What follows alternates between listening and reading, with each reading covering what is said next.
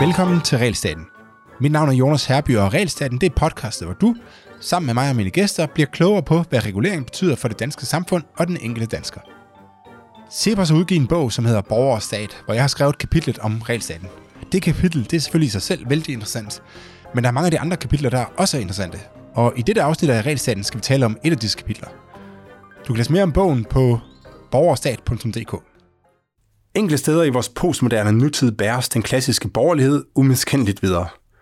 Det sker i kraft af rodfæstede demokratiske traditioner, som dog på ingen måde bør tages for givet. Vi mindes eksempelvis hvert fjerde år om den borgerlige liberale epoke, der grundlagde demokratiet på tværs af Europa og Vesten, når den nyvalgte amerikanske præsident indsættes i republikens højeste embede. Fra den første præsidentielle indsættelse af George Washington i 1789 til Barack Obamas i januar 2013 har USA's mest ikoniske statsoverheder indledt deres indsættelsestaler med fellow citizens. Donald Trumps indsættelse i 2016 skulle naturligvis blive en undtagelse. Fellow citizens har dengang som nu, hvor stadig kun et lille mindretal af verdens befolkning lever i de i frie samfund, demokratisk revolutionær styrke, og ordene kendetegner det verdenshistoriske unikum, som er den liberale modernitet. Uden denne borgerlighed, ingen demokratisk offentlighed og intet velfungerende marked og meritokrati. Og dermed ingen frihed og velstand i den enestående grad, som tiltagende har kendetegnet de vestlige samfund siden oplysningstiden. Kapitlet Borger og Stat, Selvstændighed og Ansvar er skrevet af Andreas Paulsen. Og Andreas, først og fremmest tak for at deltage. Tusind tak. Andreas, vil du ikke starte med at introducere dig selv for lytterne? Jo, øh, mit navn er Andreas Poulsen, og øh, jeg har fornøjelsen af at skrive det her øh, emne om et, øh, eller det her kapitel om et emne, som ligger mig rigtig meget på sinde, som handler om at placere begrebet borgeren og institutionen borgeren i, i hjertet af borgerligheden, som jeg synes er, er højaktuelt i forhold til gen, øh, opfindelsen og gendefineringen af det, af det borgerlige projekt. Jeg tror, det er der, hvor det borgerlige Danmark bør starte med det allervigtigste ord i, i hele vores politiske projekt, som er, er, er borgeren. Øh, for mange år siden, øh, lige efter gymnasiet, flyttede jeg til, øh, til New York øh, i, i, en, øh, i et års tid, og og, øh, og, og dykket ned i den klassiske politiske filosofi, som har defineret øh, Vesten først og fremmest øh, Thomas Paine og, og, øh, og, og Thomas Jefferson og, og Madison og alle, alle de her amerikanske founding fathers, så det førte mig ind i hele den europæiske oplysningstid øh, og de tanker, som grundlæggende ligger til, til grund for de liberale demokratier i, i Vesten. Øhm, og øh, det gjorde mig øh, enormt optaget af filosofien, politisk-filosofiske tanker, og, og sådan, hvad, hvad skal man sige, en, det, jeg synes øh, manglede i, i, i det liberale Danmark, som jeg kendte, altså sådan en, en substantiel forståelse for, hvor er det, vi kommer fra, hvor er det, vores tanker kommer fra, hvor er det, hvor er det, øh, det her unikum som det liberale demokrati, øh, hvordan er det, det øh, opstod sådan idehistorisk i en verdenshistorie, der er præget af den stærkes ret og dominans øh, øh, over andre øh, i, i forskellige afskygninger. Så, så det har jeg brugt rigtig meget tid på ved siden af mit arbejde. Jeg arbejder som direktør for en brancheorganisation i, øh, i Bruxelles og bor i Bruxelles. Øh, og, og så har jeg nørdet det her rigtig meget ved, ved siden af. Jeg har fornøjelsen af at undervise på Cepos Akademi i 10 år, øhm, og, og holder jo en, en række oplæg på højskoler og så videre. Jeg synes, det her det er højaktuelt, ikke mindst i, i, i lyset af dagens øh, Ruslands invasion i, i Ukraine, som jeg er nødt til at nævne, fordi det virkelig er et eksempel på den stærkes øh, ret og den her dominanstanke, som står i direkte modsætning til den liberale modernitet og indiv- øh, ideen om individet, og det borgerlige samfund, hvor vi, vi har et, øh, et, et spillebræt, en retsstat, hvor man, som man spiller indenfor, øh, og alle er, er borgere øh, over for hinanden. Ikke? Og vi kommer til at tale lidt mere om, øh, hvor, øh, altså, hvor tankerne kommer fra, så når, men når, når vi når vi om en øh, halv time eller 45 minutter er færdige med afsnittet her, hvad er det så, hvad er det så man skal sidde tilbage med som lytter og tænke, at det er det her, jeg har fået fortalt af, af Andreas? Altså, det, det er jo det her, jeg budskab, du havde med kapitlet? Ja, det vil sige, det er, det, det, det er to ting. Altså, det er øh, forståelsen for, hvad, hvad, hvad borgerlighed betyder. Altså det her ord, som vi, vi kalder os selv vores politiske lejr, som er delt op i to orddele, altså borger og lighed. Lighed mellem borgerne. Hvad er det for en lighed? Det er jo naturligvis ikke venstrefløjens eller socialismens lighed, men det er en, en lighed, hvor man sætter en ære i at være på lige fod med andre borgere. En ligestilling i ret, hvor man øh, sætter en ære i at og, hvad skal man sige, tage vare på sit liv og bære samfundet på sine skuldre buller sammen, uden man nødvendigvis behøver statens dekret for at gøre det. Øhm, det, er, det er den ene meget vigtige del, at vi sætter, vi sætter borger, øh, borgerbegrebet i centrum af borgerligheden og forstår, hvor borgerbegrebet øh, kommer fra. Øh, og så er det det her med den, den, den stærkes ret øh, og det borgerlige som livsstil. Det som vi har et meget fremragende ord, som desværre glæder ud af sproget, der hedder civilitet, som bygger på det romerske, det latinske ord civis, som betyder borger. Og civilitet, det er grundlæggende bare et latinsk udtryk for borgerlighed. Altså den måde, vi opfører os over for hinanden på, den måde, at det er argumentet, der, det er velinformeret, det rationelle, rationelle, det fornuftige argument, der skal vinde, frem for at barbari, hvor man slår hinanden i hovedet eller råber højst. Det er naturligvis ikke det, der skal, der skal anerkendes i et frit samfund, men det gode argument. Nu spørger jeg måske dumt, men borgerlighed, er det, er det sammensat ord, der består af borger og lighed? Det gør det jo i sagens natur. Altså hvis du, hvis du altså, det havde jeg aldrig tænkt over. Men, det, men, nej, men det, det er jo meget, meget vigtigt at blive mærke i. Så kan man så sige... Hvad ja, måske man lige sige til lytterne, der i det, den tekst, jeg læste til at starte med, som ligesom introduktionen til kapitlet, der står der borger-lighed. Netop. Og jeg, jeg troede faktisk, det var en trykfejl. Jeg havde aldrig tænkt over, at... Øh, det er overhovedet ikke en trykfejl, det, det er med fuld overlæg. Øh, det er meget vigtigt for, for folk, der kalder sig borgerlige, at forstå det her, fordi det, det, det skulle gerne skabe en selvreflektion, der, der gør, at man overvejer, og overvejer man sådan på en, en, hvad skal man sige, en meningsfuld, substantiel måde kan kalde sig borgerlig.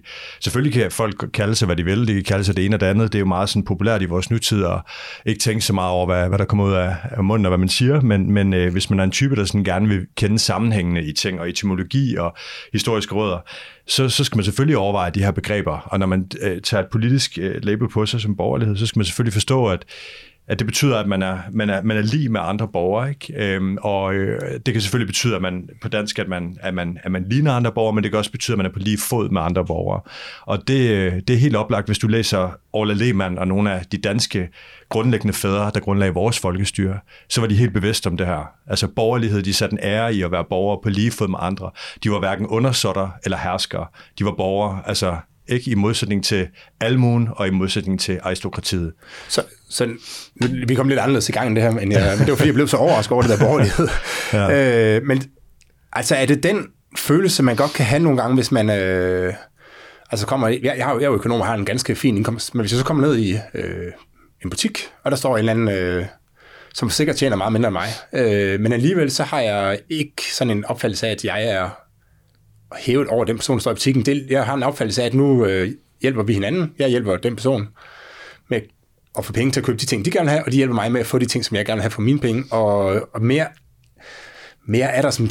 Jo, der er selvfølgelig mere i det, fordi man respekterer hinanden. Man siger tak, og ja, ja. og vil du have sådan her, og sådan noget tak. Og, ja. altså, man behandler hinanden med respekt på en eller anden måde. Ja. Øh, selvom man kommer fra... Selvom man er forskellige, har forskellige indkomster og er forskellige steder i livet. Det er jo så ja. typisk også meget øvrigt end mig. Øh, mm. Men er det, er det sådan en del af, Altså er ja. det en del af borgerligheden, det der med, at jeg ikke opfatter dem som om, det er nogen, der servicerer mig, men som nogen, som er i samfundet sammen med mig på en eller anden måde? Ja, altså det, det økonomiske, som jeg også synes er meget, meget vigtigt, øh, at det økonomiske blik på det, det er jo, vi har kaldt sådan funktionalistisk, ikke? Det er jo, at, at både du og, og vedkommende, der sidder ved kassen, udfører vigtige funktioner i, i økonomien. Mm. Men, men det borgerlige blik, som er mere sådan normativt, det er jo, at, at man ser sit, sit medmenneske, altså øh, som jeg også skriver i mit kapitel, bygger op den borgerlige tanke jo på, at vi alle sammen er mennesker først og sidst. Altså opdagelsen af mennesker er noget, der sker i renaissancen og, og oplysningstiden, at man opdager, altså det er jo nok den vigtigste del af, af oplysnings tanken overhovedet, det er, at du erkender og, og, og opdager, at du selv er menneske, og derigennem opdager andre mennesker. Og den menneskelighed, der har du også igen en, en form for lighed. Ikke? Den menneskelighed, den menneskeværdighed ligger normativt til grund for det borgerlige projekt. Altså, og det, det, det jeg også oplever, du, du, øh, du, du, at du oplever ved kassen, ikke? Det, er, det er jo det er dit medmenneske, det er din medborger. Udover bare at udføre en funktion, er det også dit medmenneske, ikke? Som, som, som du anerkender som, som værende en værdig medborger, en værdig medmenneske. Også en meget vigtig del af borgerligheden. Så, og nu, nu sagde du, at det her det er, nogle, øh, det er ikke nogle tanker, der har været her altid. Bestemt. Øh, så kan du prøve at give sådan en... Øh, bliver selvfølgelig en hurtig øh, intro til, men hvor kommer de her tanker fra? Altså, du nævnte helt i starten, at øh, på et tidspunkt var det den stærkeste, der, ja. der bestemte. Øh, og, og så er vi ligesom kommet til det her borgerlighed, eller menneskelighed. Ja. Øh, så kan du, hvordan, hvordan de tanker opstod? Kan du give os en hurtig Ja, altså hvis man... Eller gerne lang faktisk. Sådan en simpelthen lang uh, intro til det. Ja. ja, altså der er nogle grundlæggende begreber fra antikken, som man ikke kommer udenom, fordi hvis man, sådan skal, hvis man fører borgerbegrebet tilbage og det borgerlige samfund tilbage Kan til... du lige sige bare, hvis, hvis der er nogen, der ikke følger med antikken, så er vi omkring 540 Kristi, eller sådan der omkring, ikke? Eller? Jo, altså sådan den vestlige filosofis begyndelse. øh, Måske skal man lidt, lidt længere tilbage, øh, 800 år øh, før Kristi eller sådan noget, hvor at, at den vestlige filosofi opstår i, øh, i, i, i Grækenland, ikke? i antikens Grækenland. Og, øhm, og sådan parallelt dermed, eller ind i den epoke, der, der opstår selvfølgelig også øh, det, det, det, den første form for folkestyre i Athen og andre græske bystater. De opstår i, i lidt forskellige afarter i de forskellige græske bystater. Athen er, er, jo den bystat, vi, vi kender bedst fra antikens Grækenland, og af gode grunde, fordi det var, det var et, et kraftcenter af, af, af tænkning, øhm, og, og der er nogle meget fine eksempler på fra antikken, hvor at øh, borgere i, i Athen beskriver, hvorfor at, øh, at øh, hvad skal man sige, hvorfor, hvorfor, hvad der er særlig godt ved Athen, altså som et frit samfund, for eksempel i modsætning til Sparta. Øh, som var en mere militaristisk stat, hvor at borgerne levede for staten, og, og hvor man øh, alle skulle være soldater og sådan noget, være klar til at få, altså, øh, og, og Europa og andre områder, hvor Athen øh, var øh, mere, som vi ser igen højere aktuelt i forhold til i dag. Rusland har den her dominanslogik, Vesten har en, en, en hvad skal man sige, en, en øh, Vesten definerer, definerer legitimitet ud fra en helt anden grundpræmis, som handler om, at, at, at staten øh, skal ligesom bero på borgernes billigelse, altså klassisk logik og samfundspagtsteori. Det er så blevet vel meget, synes jeg, øh, velfærdsstatslogik i, i nutiden, men, øh, men, men grundlæggende bruger vores stater på, at, at, at, den, øh, at, at de skaber gode rammer for, for menneskeliv, hvor at staten i Rusland jo har et helt andet rationale, der handler om storhed og, og, og, og komme tilbage til Ruslands øh, dominans i verden og sådan noget. Men skal, skal det forstås på den måde, at, øhm, altså at man synes på en eller anden måde, det er fair, Altså, at, at det kan være sådan en forståelse at det er fair, hvis den, hvis den ene er stærkere end den anden, så er det fair, at den stærke ja. tager fra den svage. Øh, at det har man ikke sådan et moralsk problem med, fordi man ikke anerkender, at han er et individ, eller? Nej, men det er lige præcis. Altså det, hvad skal man sige, den, den sådan definerende logik er, er en anden. Det er, det er jo, altså det er jo kollektivets ret, og i Rusland er det jo det kollektiv meget høj grad defineret af, af staten og statens hersker, som, som, er, som er Putin. Ikke? Det, det, er jo, og det, og det er jo det, der har defineret menneskehedens historie. Altså Rusland gør jo det normale. Det er jo Vesten, der gør det unormale. Mm. Altså vi har, gået, vi har lullet os selv ind i en, en, en illusion siden uh, 1989. Francis Fukuyama siger det her med The End of History. Uh, I øvrigt fantastisk bog, og han er en enormt begavet uh, professor, eller uh, filosof, uh, som, som jeg selv har haft fornøjelsen af at have, have som professor i Aarhus. Uh, hvad hedder det? Uh, men, men, men det var jo en kæmpe illusion, at vi troede, at historien ville ende. Historien ender naturligvis aldrig, ligesom mobber i skolegården heller aldrig ender. Det er jo noget, der ligger helt grundlæggende i menneskets natur, som er lige så lige så naturligt som jalousi og alle de her andre følelser, som står som er den mørke side af mennesket, og som står i modsætning til den øh, frihedens fordring, som ligger helt, som er det centrale i det liberale, at vi kan sp- skabe et spillebræt, hvor vi har domstole, vi har regler, vi har ret, øh, regelsæt, vi har retsorden, der gør, at, øh, at det ikke er den stærkes ret, at det er argumentet, ikke? Øh, som vi selvfølgelig er vi, er vi også bevidste om, at vi aldrig kommer til at skabe et utopisk samfund på jord, og intet bliver nogensinde perfekt, men noget er bedre end noget andet. Og, og, og vestens øh, modernitet øh, er det tætteste, verden nogensinde har været på på øh, den her liberale øh, retsorden, som, som fik sin rødder i antikken, hvor man prøvede for første gang, og specielt i Athen, at, at, at, at, at lave et, øh, et folkestyre. Øhm, ja, Øh, så det der, det starter med, med ord som demos og polis, altså demos, så betyder det politiske folk. Det er derfor, vi har ordet demokrati. Øh, polis øh, betyder bystaten på, øh, på, øh, på oldgræsk, og det er jo derfra, vi har ord som for eksempel øh, politi.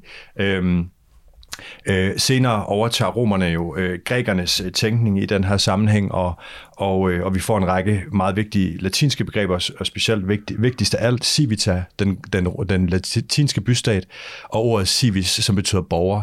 Derfor har vi jo ord som, øh, som civilisation og civilitet, øh, civil, civilsamfund, stammer mm. jo netop, som netop trækker på det her begreb om borgeren, som er civis det synes jeg er rigtig, rigtig vigtigt at forstå, hvis man kalder sig borgerlig. Den her lange tradition, som er en, en, en, en, en, hvad skal man sige, en antitese til den stærkes ret, altså civilisation. Derfor skal vi omfavne ord som civilisation og civilitet i den borgerlige lejr, altså netop den borgerlige orden, hvor man ikke øh, hugger hovedet af hinanden, hvis man er uenig, men man argumenterer og, mm. og laver aftaler. Okay, kan du, øh, altså nu, nu siger du, det er noget nyt, og, det var, øh, og normalt havde det været lige præcis den stærkeste, bare hugge hovedet den svageste. Hvordan, det, øh, altså, hvordan kunne sådan nogle idéer opstå? Eller sådan, ved du noget om det? Altså, hvordan kunne de ligesom få lov til at brede sig i sådan en by som Athen? Altså, hvad var det, der gjorde dem...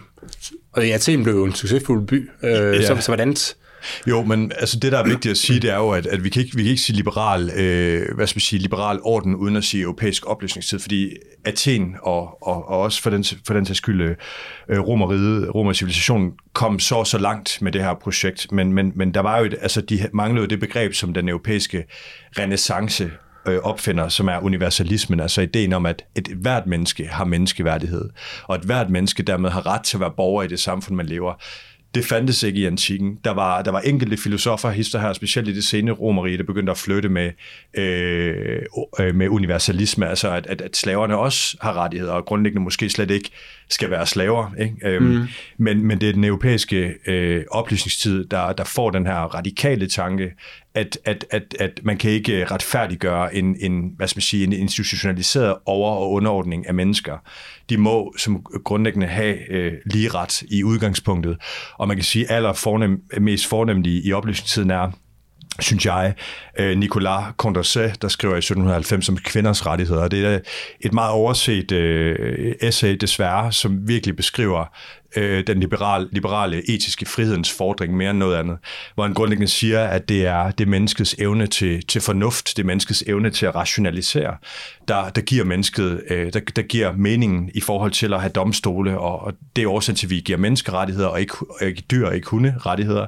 Det er fordi mennesket kan tænke etisk, kan rationalisere osv., Ergo må kvinder og, og sorte og alle mulige andre, som er uden for rettighed, øh, hvad skal man sige, uden for rettighederne, borgerretten, på det tidspunkt må de have lige rettigheder. Altså meget sådan rationalistisk, etisk argument, som kommer til at fremføre, og som jeg jo synes er det allermest kerneliberale. Han var jo et meget, meget økonomisk liberal og skrev med Adam Smith og mm. gode venner af Adam Smith. Altså, jeg, og, øhm, jeg tror i ikke, jeg er sådan helt, fordi du Altså, fordi jeg, jeg tror ikke helt, jeg forstår, hvordan de her idéer, hvordan, altså, hvad var det, der gjorde, at de kunne, at de kunne sprede sig? Fordi normalt, altså, hvis man tænker sådan, som økonom, som jeg vil gøre, så vil man jo tænke, at, øh, at der er konkurrence mellem idéer. Øh, og på nogle tidspunkter, vil nogle idéer have en fordel, og på andre tidspunkter, vil andre idéer have en, en fordel, så, så kan du sige lidt om, hvad, hvad, hvad, hvad, hvad var det, der gjorde, at de her idéer, fra, at det var idéerne fra Athen og ikke Sparta, der, øh, altså der, der spredte sig til, til det omkringliggende øh, samfund, og så op, op igennem Romeriet, øh, og, og hvad der ellers øh, kom med sidenhen. Altså, så godt som jeg kender til det, kan man sige, at Athen havde, Athen havde en større grad af samfundsfrihed end de, øh, end, end de andre øh, bystater, som gjorde, at, at, at Athen blev rigere på kultur, på, på handel, på grund af handel og, og så videre. Havde en større grad af samfundsfrihed, større grad af frihed for den enkelte. Frihed for de frie borgere, fordi der var en meget stor flertal af samfundet, kvinder, slaver, havde, havde ikke borgerlige rettigheder. Mm. Det, det er vigtigt at understrege, at, at det er den europæiske oplysning store bidrag til, øh, til, til, til den liberale øh, modernitet og civilisation. Øh, hvad hedder det? Man kan ikke komme udenom kristendommen, og det er også derfor, jeg skriver om det i mit, mit kapitel, at, at, at netop kristendommens idé om næstekærlighed, og, og, og du ved, at vi alle er, er lige for, for, for Gud, og, øhm, og at hvad skal man sige, det kun er Gud, der skal, der skal dømme i forhold til øh, hvad hedder det, øh, mennesker, den, den, den præmis skal vi ikke tage ud af det liberale projekt. Det er, det er en meget, meget vigtig strømning i den europæiske filosofi. Man plejer at sige, at, at den europæiske filosofi har to hovedkilder. Den ene, det ene er det græsk-romerske, og det andet er det jødisk-kristne. Man kan ikke tage den dimension ud, og specielt ikke i forhold til universalismen, menneskeværdigheden.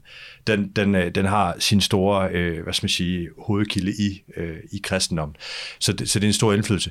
Hvor det præcist kommer fra, altså jeg tror jo helt grundlæggende, altså at øh, øh, i modsætning til dem, der sådan siger, at det liberale projekt er startet omkring øh, den, den engelske borgerkrig og kampen mellem det engelske parlament og kong. Det, det føler jeg jo er, er håbløst forkert. Øh, fordi at de liberale har altid været hos mennesket. Liberale, øh, hvad skal man sige, den person, som ligger på, på, på pinebænken, eller som er undertrykt på et hvilket som helst tidspunkt i menneskehedens historie, har jo, har jo længtes efter frihed. Og det er der, det liberale projekt starter, når at man ser sin kære, eller en selv, ligger på, øh, på pinebænken, eller er undertrykt, ikke mod øh, uretfærdige undertrykker, der kommer og tager ens ejendom, eller, eller ens øh, liv, eller ens kæres liv den store forbandelse, som jeg ser det i, i, i nutiden, og specielt siden 1989, det er, at det er så nemt at blive lullet væk fra alvoren i det her. Mm. Altså så længe man, når man er meget, meget langt væk fra pinebænken selv, når man er meget, meget langt væk fra at stå i den situation, er det meget nemt at glemme frihedens fordring. Øh, og dermed også øh, offerviljen, kampviljen i forhold til at stå op for de her ting, stå op for de mennesker, som, som øh, hvad hedder det, er undertrykt. Ikke? Øh, vi har jo set, hvordan at totalitære regimer som Kina og Rusland lige så stille tager bid for bid for bid. Øhm, og Vesten har svært ved at, at mobilisere sine borgere til at, og, hvad skal man sige, at få den, det mindset, som vi havde for eksempel under den kolde krig, hvor, hvor vi følte, at, at friheden i meget højere grad var på spil, fordi det synes meget langt væk. Det, det, det er meget pudsigt, ikke? fordi verden er meget mere øh, forbundet i dag, end den var dengang, men, men, øh, men der er slet ikke den samme sådan, bevidsthed om, at friheden øh, skal forsvares. Okay, så, så øh, jeg lige at gå tilbage til det der med Athen, så det, så det, jeg hørte dig sige, det var, at, øh, at grunden til, at ideen blev spredt, var i virkeligheden, fordi det var en god idé. Altså det, var en god, den, det førte til, at øh, de samfund, der implementerede den idé, de, øh, de klarede sig bedre. Og ja, og så, så spredte sig noget sav, øh, ligesom i, i naturen. Øh, men, og så, så snakker du lidt om, øh, om renaissancen, og, ja, og hvad er det, altså er det, sker der andet, end det bare bliver bredt ud til, til alle mennesker? Eller? Altså, Uanset om det er mænd eller kvinder, eller hvid eller sort. Altså, for det første så er det vigtigt at sige, at, at øh, hvad skal man sige, Athen-civilisationen, når man vil, den, den frie til dels frie civilisation i antikens Grækenland, bukker jo under for en periode, fordi den bliver jo domineret af, af romeriet, som igen, øh, derefter efter romeriet får vi en lang europæisk middelalder, som er domineret af kristen fundamentalisme og, og, og netop den stærkes ret, altså fyrster, der, der bruger vold og undertrykkelse mod, øh, mod deres øh, befolkninger igennem, igennem middelalderen. Så der er jo en lang periode, hvor man kan sige, at de her liberale tanker, semi-liberale tanker fra antikken, øh, øh, egentlig kun øh, hvad hedder det, findes på universiteterne øh, hos en, en lille europæisk lært elite. Øhm, og i renaissancen får man så den her gen, øh, genf, øh, gen, genfødsel, eller, eller hvad skal man sige, ja, genfødsel af, af antikens øh, tænkning med individet i centrum, med individets bevidsthed i centrum i meget høj grad. Netop ideen om, at, at hvad skal man sige, øh, altså det man også kalder klassisk humanisme, ikke? At, at, at de gode svar på vores spørgsmål her på jorden skal ikke findes i det hensides men i vores europæisk eller i vores, øh, hvad skal man sige, menneskelige fornuft. Ikke? Øhm, og, og der, der sker jo den her genopdagelse af individet. Der sker, som jeg også skrev i mit kapitel, en række videnskabelige gennembrud. Og det er ret interessant sådan at kigge på, hvordan at at, at de her kongemagter, de øh, tror jeg lidt det som det kinesiske og russiske regime lige nu, sådan på den ene side godt kan se, at hvis de skal have en vis økonomisk momentum i, i verden og videnskabelige fremskridt, de er nødt til at tillade en grad af frihed. Men de sidder hele tiden og kigger på, hvornår spiller den hvad skal man sige, videnskabelige frihed og den øh, økonomiske frihed ind i den politiske sfære. Det er de enormt mm. bange for. Ikke? De ved godt, at, at, at det, det kan være farligt, for de har set øh, i særdeleshed i Europa, hvordan i løbet af renaissancen og oplysningstiden, hvordan at det der startede som videnskabelig frihed, som, som man gav mere og mere plads til fra de europæiske kongemagters side, hvordan det manifesterede sig lige pludselig øh, relativt hurtigt i løbet af 1700-tallet i politisk, øh, politi- krav om politisk frihed. Mm. Og der, der, der går for, du tager sammen med øh, den franske revolution og øh, ja, revolutionen amerikanske... På, ja, amerikanske revolution, som, som jo virkelig er kulminationen på oplysningstiden, som jeg ser det, øh, og som jo direkte spiller ind i Europa ved, at de franske soldater øh, unge, liberale franske adelsmænd, lærte franske adelsmænd, kommer tilbage til Europa og siger, at det her kan vi også gøre i Europa.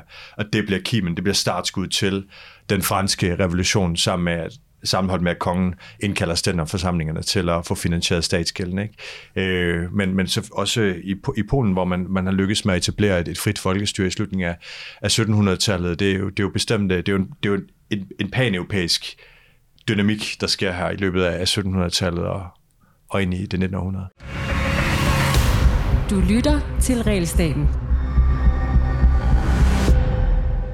Og hvad, og hvad øh, nu kan, synes ikke, hvad, hvad sker der så altså mellem den amerikanske øh, frihedserklæring og så op til, til nutid? Altså der har jo været et koldkrig og to verdenskrig og sådan noget. Men ja. hvad, hvad, hvad sker der i den periode?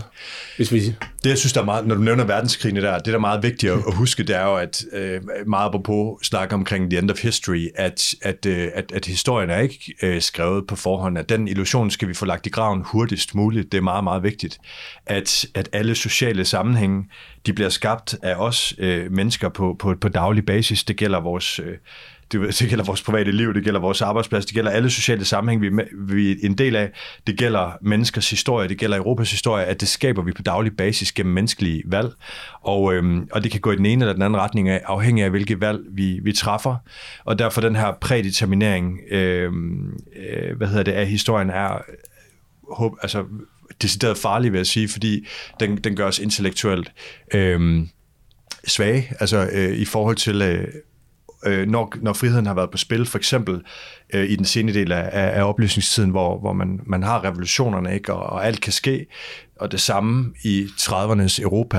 Det er jo virkelig der, vi ser øh, den intellektuelle tænkning være øh, knivskarpe, og specielt i liberale lejre, ikke? fordi friheden er, er på spil. Mm. Øhm, og derfor er det rigtig vigtigt, at vi har den her bevidsthed om, at, øh, at, at, at det her, det, altså friheden er skrøbelig, menneskelivet er skrøbeligt, og, og, og det er utrolig vigtigt, at, at vi aldrig nogensinde tror, at det, at det, at det kan vi tage for givet. Øh, og de seneste dages udvikling i Ukraine og Kinas øh, opførsel i, i, øh, i Stillehavsregionen er, øh, kun eksempler der på, ikke? Det understreger pointen.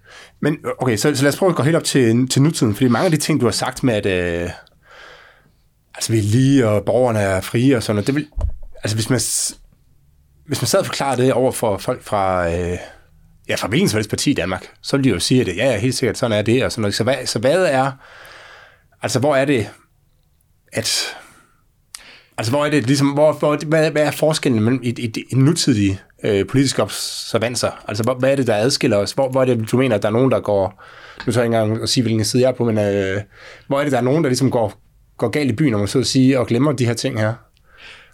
Lige, ja, hvis, hvis vi lige bare lige får gøre den anden pointe færdig først. Altså det, det, som, det, som er utrolig vigtigt, vigtigt at huske i forhold til, det kommer lige tilbage til mig her, i forhold til, øh, til verdenskrigene, det er jo, at vi midt i den moderne epoke, ikke? efter vi har, vi har fået etableret de første, for, første folkestyre i Europa, og fået etableret en stor grad af, af økonomisk frihed og velstand, er vokset helt enormt i, i Europa, får de her to totalt destruktive krige, hvor vi, vi tænkte sådan i slutningen af 1800-tallet, det man på fransk kalder la belle époque, den smukke epoke, øh, den tredje republik i Frankrig, øh, du ved, Vesten, USA, leder verden, kulturelt, økonomisk, alt går fremad, teknologiske fremskridt helt vildt, og lige pludselig brasser civilisationen sammen. Ikke? Og det er netop understregningen af pointen, at vi aldrig kan tage, tage, tage det her for givet, at det er, frihedskampen er en evig kamp, hvor øh, som, som grundlæggende er en, er, en, er en kamp mellem dynamikker i mennesket, mellem, mellem det fejre og det medløberiske, og det, det som jeg vil kalde og der tror jeg, Ayn Rand, det, det er ikke så tit refereret til, hun vil være enig med mig, men sådan det, her, det etisk heroiske menneske, ikke? der hvor vi ranker ryggen, og det peger, og, som individer, og sætter en ære i at være individer i vores liv, tage vare på vores liv, og ikke vil dominere andre mennesker. Ikke? At uh, vi, vi, vi ser vores medmennesker som, uh, som ligeværdige medmennesker, vi laver frie aftaler med dem, øh, vi, vi overholder de aftaler, altså civilitet, det sætter vi en ære i, borger, den borgerlige, hvad skal vi sige, livsstil. Øhm, men det her med at dominere andre mennesker, have en, en trang til det, og, og føle sig berettiget til at herske over andre mennesker, det, øh, det ser vi fra over for. Og, og det, øh, det synes jeg peger hen i forhold til det, du siger, i forhold til, til, til nutiden og, og velfærdsstaten osv. Øh, jeg mener, at det borgerlige Danmark skal, skal gøre alt, hvad vi overhovedet kan for at kultivere den her civilitet, borgerlig livsstil, en, sætte en ære i, og, og, og, og være en god øh, medborger, tage vare på sit eget liv. Ikke... Øh, hvad hedder det, bede om, øh, hvad hedder det, staten om hjælp, som, som man, man ikke har, har brug for. Øhm, sætte en ære i og, og, og løfte, hvad hedder det, samfundet på sine skuldre, og sit eget liv først og fremmest på sine skuldre. Og det peger tilbage til frihed, frihedsbegrebet, altså fordi det, det har vi behov for at få, få defineret ordentligt i borgerlige lejre. Sokrates definerede... Men altså, helt, helt, helt, men kunne, kunne det ikke være socialdemokrat, der sagde det der? Men at man ikke skal tage mere fra staten, end man Jamen, øh, har brug for? Og... Mm, det, det, det ved jeg ikke. Jeg tror nok, de... de siden... Er efter evne og få efter behov? Øh... Jo, men, men siden 60'erne og 70'erne har de jo praktiseret en, en idé om at, at gøre folk hooked on welfare. Ikke? Altså lad os få delt velfærdsydelse ud, for så får man aldrig afskaffet velfærdsstaten. Og det, det synes jeg, vi, vi jo øh, skal bekæmpe øh, med alt, hvad vi kan, og netop komme tilbage til dem, der, det, er dem, der, det er dem, der har behov øh, som, som, øh, som, som får, får hjælp fra, fra, fra, fællesskabet, man vil, ikke? Øh, og gør alvor af det. Øh, og det tror jeg er nødt til at starte med en normativitet, lige så meget som at vi skal lave regler, der gør, at det bliver tilfældet. Så tror jeg først og fremmest, det handler om en normativitet, hvor vi får kultiveret ned i folkeskolerne, at man tager vare på sit eget liv øh, og sætter en ære i det. Øh, det, det normsæt havde Danmark jo engang. Det var derfor, vi kunne have, have ekstravagante velfærdsydelser i 80'erne og, og 70'erne, fordi der var ret mange mennesker, der var selvfølgelig også nogen, der snød, men der var ret mange, som ikke tog imod det, fordi de havde ikke brug for det. det mindset har ændret sig i meget, meget mm. høj grad til, til rent-seeking, øh, hvor, at, øh, hvor det er sådan, jeg skal da have, jeg, jeg tager, hvad jeg kan få. Ikke?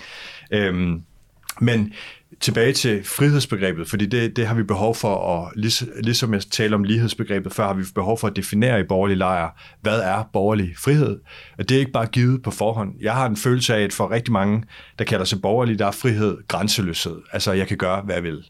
Øhm, og det, det, det, kan ikke, hvad skal man sige, det kan ikke på nogen meningsfuld måde, efter min mening, understøtte friheden.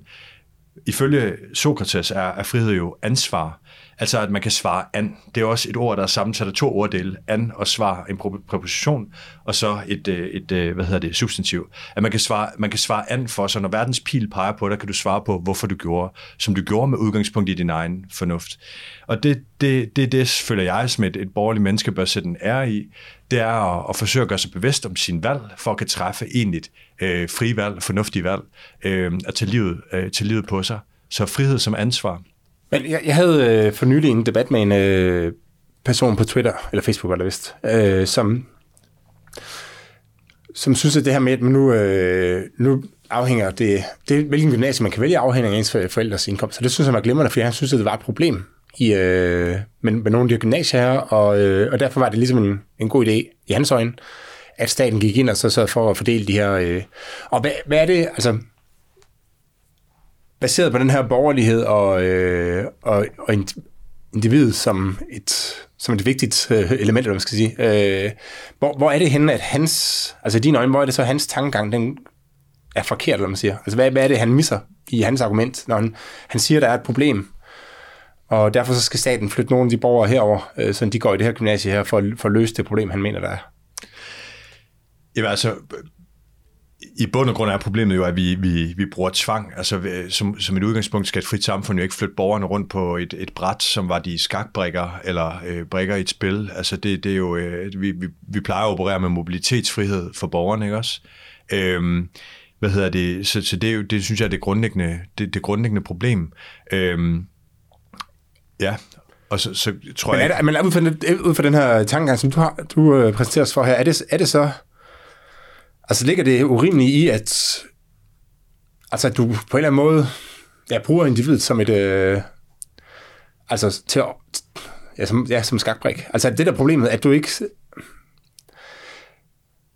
lader individet træffe sin egen beslutning i virkeligheden. Jeg synes, der er flere forskellige elementer i det, og jeg synes, vi ser rigtig meget af, af anti-frihed, om man vil, fra den nuværende regering. Jeg synes, vi ser det på alle områder. Altså, der er jo ja. cigaretafgifter og... Ja regler for, hvornår øh, man må, ja, det er nærmest, hvornår man må drikke. Det har lige været under corona, men der er jo masser af, der er masser af regler, hvor, hvor, hvor flertallet i samfundet forsøger at styre øh, folks adfærd. Øh. Det, det, det man tidligere kaldte, kaldte formynderi, ikke? Og ja. det, det, er jo, det er jo sådan, øh, og det er jo netop, altså igen, hvis man tænker tilbage på, på sådan aristokratiet og kongemagterne, og, og resten var undersåtter, øh, almue undersåtter, man så ned på, og de skulle bare styres på alle mulige måder og sådan noget. Der, der, der, øh, der skulle borger, det borgerlige samfund var jo tænkt som en antitese mod det, altså hvor borgerne tog ansvar på, på, på sig i forhold til at, at træffe gode valg i, i eget liv. Mm. Øhm, udfordringen er, øh, som jeg ser det, at rigtig mange mennesker faktisk ret godt kan lide at være undersåtter, ikke? Øhm, og øhm, og, og øh, hvis man har, hvis man en enkelt gang i, imellem i nutiden har politikere, der taler op til borgerne, så bliver de ofte shamed, ikke? Så er det ofte sådan, at taler, du ved, taler du ned til os, og i virkeligheden det politikeren gør, er at tage, i enkelte tilfælde at tale op til borgerne og sige, at det lader vi borgerne selv bestemme i deres eget liv, det kan de godt selv tage på sig at træffe de her valg, hvor at, øh, at, at reaktionen så ofte, meget ofte fra, fra mainstream medier og fra, fra borgere er, at de føler, at politikerne taler ned til dem, når, når, de, når de ligesom sender øh, valget tilbage til borgerne. Ikke? Det, det er i hvert fald meget klart, at man kan ikke, øh, det er svært for politikere bare at sige, at det må borgerne selv finde ud af, altså, ja. hvis der er nogle problemer. For eksempel Præcis. det her med, øh, med valg af gymnasier. Så man siger, hvis du ikke vil gå på et gymnasie med en høj andel af øh, folk med anden baggrund, så må du jo vælge et andet gymnasie. Det gælder, ja. dem, det gælder også dem, der går. Altså selvom du har en anden baggrund, øh, en etnisk dansk. Præcis. Hvis ikke du vil gå på det gymnasie, så må du jo vælge et andet gymnasie. Øh. Jo, men der er, der er flere forskellige elementer. Præcis, altså konkret det der emne i forhold til frit skolevalg og sådan noget, som, som jo også handler om, om konkurrence mellem, mellem uddannelsesinstitutionerne, som jeg grundlæggende mener er en, en god ting, for at de hele tiden bliver optimeret, og, og vi ikke hjælper altså dårlige uddannelsesinstitutioner, for at sige det direkte. Altså vi skulle ikke, øh, vi skulle ikke give særlig hjælp til institutioner, som ikke klarer sig særlig godt. Dem skulle vi gerne give incitamenter til at, at stramme sig an og blive bedre. Mm. Øhm, og så er der en masse andre ting, hvor jeg tænker, i forhold til det, du nævner, hvor jeg tænker, lad os ikke øh, lave symptombehandling, men prøve at adressere øh, råden i i problemet. Altså hvis, hvis, hvis der er mange danskere, der ikke har lyst til at gå i gymnasier med, med folk, øh, som, øh, som er nytilkommende borgere, eller hvad det måtte være, øh, danskere med en anden etnicitet, øh, så har vi et helt andet problem, som vi skal diskutere, men lad os prøve at behandle det der i stedet for at, og, hvad skal man sige, øh, holde hånden under institutioner, en uddannelsesinstitutioner, mm. der ikke fungerer optimalt. Ja, det det er jo faktisk meget interessant, det du siger der, at, at hvis man har et, Altså hvis man har et problem med, at, at øh, man fravælger gymnasiet, fordi, at man, fordi der, bor, der går mange med en anden hudfarve end en selv, øh, så er man jo faktisk så er man bevæget sig væk fra det borgerlighed her. Ikke? Netop, øh, så man, siger. Og så, som, så måden, man skal løse det problem på, er måske ikke at så begynde at så sige, at, øh, altså indføre regler og sige, at nu, fordi du, altså det er ikke at lave overgreb på individet, men i virkeligheden så, ind, så Altså styrke det borgerlige i virkeligheden, Ja, præcis. Ja. Så synes jeg bare, altså, svaret for mig vil være, at vi i folkeskole og gymnasie opprioriterer øh, samfundsfag og, og, og netop øh, at lære børnene, hvem Martin Luther King er, og lære børnene, hvad, hvad det borgerlige projekt grundlæggende er. Øhm, All Men Are Created Equal og, og den slags, som er fuldstændig grundlæggende præmisser under vores folkestyre, også det danske.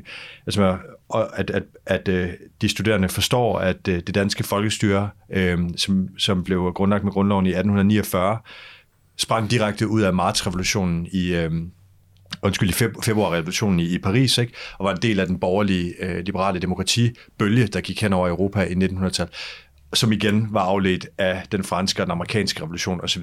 De her ting, de, de, øh, de, øh, de hænger sammen og bygger grundlæggende på en idé om øh, menneskeværdighed og, og, og borgerlighed og borgerfrihed.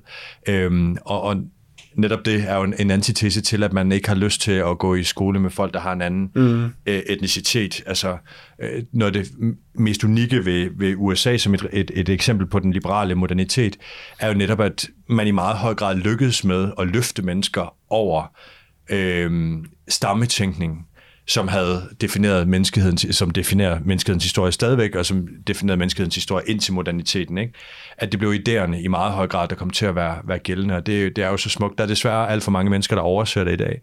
Men det er jo noget af det smukkeste, der overhovedet findes, og, og, og den eneste garanti for samfundsfred og verdensfred, for den sags skyld, vi nogensinde kan gøre os håb om, det er jo, det er jo den grundlæggende logik, at vi kan indføre en, en retsorden med grundlæggende frihedsrettigheder, hvor at mennesket øh, lige pludselig begynder at, og, øh, ikke lige pludselig, men bliver kultiveret til at se øh, sit medmenneske, før man ser øh, hudfarve eller køn, eller hvad det måtte være, men hvor man, det er argumentet, der bliver det afgørende. Mm-hmm. Ja, altså jeg, jeg synes, at man øh, meget tit støder på folk, som ikke har den her... Øh, altså, der ikke respekterer andre i bund og hånd, i, som, som jeg opfatter det, ikke? Altså, mm. de, øh, de synes, at andre de træffer nogle dumme valg, øh, og det første, de tænker, når det sker, det er, at, øh, det er ikke, at øh, okay, det kan jo være, at han har en grund til at gøre det, mm. øh, som jeg ikke lige udenbart forstår. Mm. Det er ikke det, de tænker først og fremmest. De tænker, at okay, så må vi jo indføre nogle regler, som, øh, som sørger for, at, han, yeah. at den person træffer det rigtige valg. Altså, yeah. hvis, hvis den person øh, tager for, ryger, ja. så må vi jo hæve prisen på cigaretter. Eller hvis personen bruger has, så må vi jo forbyde øh, has. Præcis. Eller hvis øh, personen vil køre øh, uden sikkerhedssel, jamen, så må vi lave påbud om sikkerhedssel, osv. osv. Så, man, ja. så man har hele tiden, og nogle af tingene er selvfølgelig mindre indgribende end andre, men, men det ligger bare meget naturligt for mange, synes jeg. Og er det den, er det den her naturlige øh, opfattelse af, hvordan man løser problemer, som... Altså er det det, vi skal tage med for dit kapitel, at at det skal vi simpelthen bort fra. Øh, jeg synes, at, vi skal til at tale op til hinanden igen. Jeg, jeg, vil, jeg, jeg længes efter politikere, mm. folkevalgte, der siger, tæller op til borgerne, og siger på, det er, ikke, øh, det, det er ikke noget, vi skal lovgive om, det er ikke noget, jeg ønsker at have en holdning til, det, det ligger inden for din privatsfære. Mm. Øhm, det, det kan du sagtens selv træffe øh, valg om. Det er du bedst til at træffe valg om i dit eget øh, liv. Og øh, altså, politikere, der sætter op til befolkningen. Problemet er, at vi har fået sådan en korrumperet, synes jeg, opfattelse af, øh, for eksempel når du, når du nævner det her med forskellige former, former for misbrug osv., at, at øh, det, at politikerne vil indføre regler på et bestemt område, det, øh, at det i virkeligheden at tale, tale op til borgerne, men det er jo det modsatte. Det, at der kommer en formynderstat og, og regulerer, hvordan folk de skal mm. leve, det er jo at tale ned til borgerne, altså med en forventning om, at de ikke selv kan finde ud af det. Øh, det er jo ikke sådan, at, at jeg er imod øh, alle former for, for regler i den sammenhæng, men, men, men udgangspunktet bør være et helt andet. Det er jo, at vi regulerer så let som overhovedet muligt, og forventer at borgerne selv kan træffe deres valg i deres eget liv så meget som overhovedet muligt. Ja, det, det, var faktisk, det var faktisk meget interessant, du lige siger det her med privatsfære. Og, altså, der er jo en, der, et eller andet sted går der jo en grænse, som kan være svært at sige præcis, hvor den går hen. Men mellem ting, som vi anser for at være private anlægner, og ja. ting, som vi mener, at det kan man godt, øh, som, altså det må, det må flertallet godt blande sig i. Øh, og der er jo ikke nogen i Danmark, der mener, at, at man skal have regulering af, hvem man vælge som øh, partner. Der er så noget i forhold til at krydse grænser og sådan noget, ikke? men, men det, er ikke, det er ikke sådan, at jeg, at jeg får at vide, at jeg skal vælge en af samme, øh, i samme Nej. aldersgruppe som mig. Nej. Øh, altså der er relativt, du kan godt have en, der er 75, der gifter som en på 18. Ja, i partiet. Øh, men, men det er jo ikke givet, at det vil være sådan for evigt. Altså der er, jo no, der er jo til nogen, hvor de siger, at det er også lidt... Øh, ja. lidt ulækkert med sådan en gammel mand eller sådan noget, ikke? eller jo. hvad det nu kan være. Og, så, så man, og der er jo andre områder, hvor vi kan se, at det er simpelthen anderledes i dag. Ikke? Øh, jo. Altså for eksempel, hvem skal bestemme, hvad pengene skal bruges til? Det er jo sådan, det er et område, man kan se, hvis man bare kigger på skattetryk i Danmark, at så er det jo steget fra, var det 10 procent eller sådan noget, til 12 procent i starten af 1900-tallet. Ja. Som, som lige det lige nu taler lige sådan på husk nogenlunde, ikke? Øh, til at er tæt på 50 procent nu, ikke? Så der er jo, jo. så der er jo en rigtig stor del af ens forbrug, hvor vi ligesom accepterer, at øh, okay, men det er faktisk ikke din egen øh, beslutning, hvad de penge skal bruges til. Det, det er det offentlige, der bruger det, fordi pengene bliver brugt til at købe sundhedsydelser og skoler og sådan ting, som egentlig går til en selv igen. Ikke? Øh, så det handler jo ikke om omfordeling på den måde. Men det handler om at så sige, at du skal bruge nogle af dine penge på skole, du skal bruge nogle af dine penge på sundhedsydelser, du skal bruge nogle af dine penge på ja. øh, X, Y, Z, ikke? Øhm, jo. jo, så, præcis. Så, ja, det bliver jo langt tale, men, øh, men det, vil, det vil i den her, det vil det, det i bund og grund handler om. Ja. Altså at sige, at vi skal have færre ting, som er offentlige anlægger, anlægger øh, hvor, hvor politikerne siger, eller hvor vi, og politikerne siger jo det, som vælgerne gerne vil have, de siger, skal vi lige huske at sige. Ikke? Så vælgerne siger, at øh, det rager ikke mig, hvad han har besluttet sig for at beskæftige sig med, eller hvad han har besluttet sig for at, øh, at gøre i, inden sit eget hus, øh, så længe han ikke, øh, altså så længe han ikke angriber andre selvfølgelig. Ikke? Jo. Øh, jo, altså det er jo en meget gammel debat. Øhm, jeg nævner, øh, hvad hedder det, Constant, øh, som er en, en, en, en farmagende fransk øh, politisk teoretiker fra, fra starten af det 19. århundrede, som, øh, som har det her essay omkring de antikkes og de modernes frihed, hvor han, han definerer, at et af de et af de vigtigste bidrag, som den moderne tænkning har bidraget med, er den her idé om en, en privatsfære, fordi antikken, det er et af de øvrige områder, måske et af de, de andre, øh, et af de to hovedområder, hvor antikkens frihedstænkning adskiller sig afgørende øh, fra øh, den moderne, der opstår i oplysningstiden, er ideen om en privatsfære. Du kan lukke døren, og så har offentligheden ingen adgang. Mm. Øhm, selvfølgelig under forudsætning af, at du ikke begår overgreb på, øh, på andre mennesker. Ikke? Men, men, øhm, men, øh, men, men det, det, er, det er utrolig vigtigt for folk, der kalder sig liberale, borgerlige liberale, at forstå, at privatsfæren er en moderne opfindelse. Altså den bliver konceptualiseret, om man vil, i, i den politiske filosofi i, i slutningen af, af, af oplysningstiden ind i, og ind i det 19. århundrede. Og, øh, og det, det var ikke et begreb, som de antikke øh, folk havde, heller ikke i Athen. Der var alt i princippet et offentligt anlæggende, og din, din bestemte måde at leve på, og sådan noget blev set som noget, der kunne defineres af politikken, for eksempel. Øh, og det er jo helt utrolig vigtigt, også i, i internettets tidsalder, at vi forstår det her med, øh, ikke bare de regler, der, der beskytter vores privatliv, men også normativiteten, at at bare fordi du kan gøre noget, betyder det ikke, at du skal eller er berettiget til at gøre noget. Altså normativiteten, at man ikke øh, tidligere i gamle dage, så vil man sige, der var brevhemmelighed. Man åbnede ikke andres breve. Det var mm. både reguleret, det var forbudt, men øh, det var også en normativitet, der, var, der hed, at, at det, det, gør, det gør man bare ikke. Altså det, det, det var virkelig dårlig stil for at bruge et postmoderne udtryk. Ikke? Øhm, og det er der ikke på samme måde i internettets tidsalder. Det der med, at jamen, hvis jeg kan få adgang, så hvorfor skulle jeg så ikke gøre det? Ikke? Men det er ufattelig vigtigt, at, og, at de her ting de ikke øh, skrider, og vi insisterer på for borgerlige øh, lejre. Øhm, privatsfæren, som er så utrolig vigtig for menneskets udvikling, at der er et sted i verden, hvor man kan lukke døren og sige, her restituerer jeg, her, øhm, øh, her er det mig, der bestemmer, hvem, øh, hvem der har adgang, og, og så videre. Ikke? Øh, og hvad, hvad er din løsning på det? Altså, hvordan kommer vi derhen? Øh... Det er, altså, først og fremmest skal vi starte med borgerlige og sige, hvad, hvad definerer det borgerlige projekt? Og der, der synes jeg, det er rigtig godt, at vi får, får styr på de her borgerlige dyder, om man vil. Hvad er det, der definerer borgerligheden?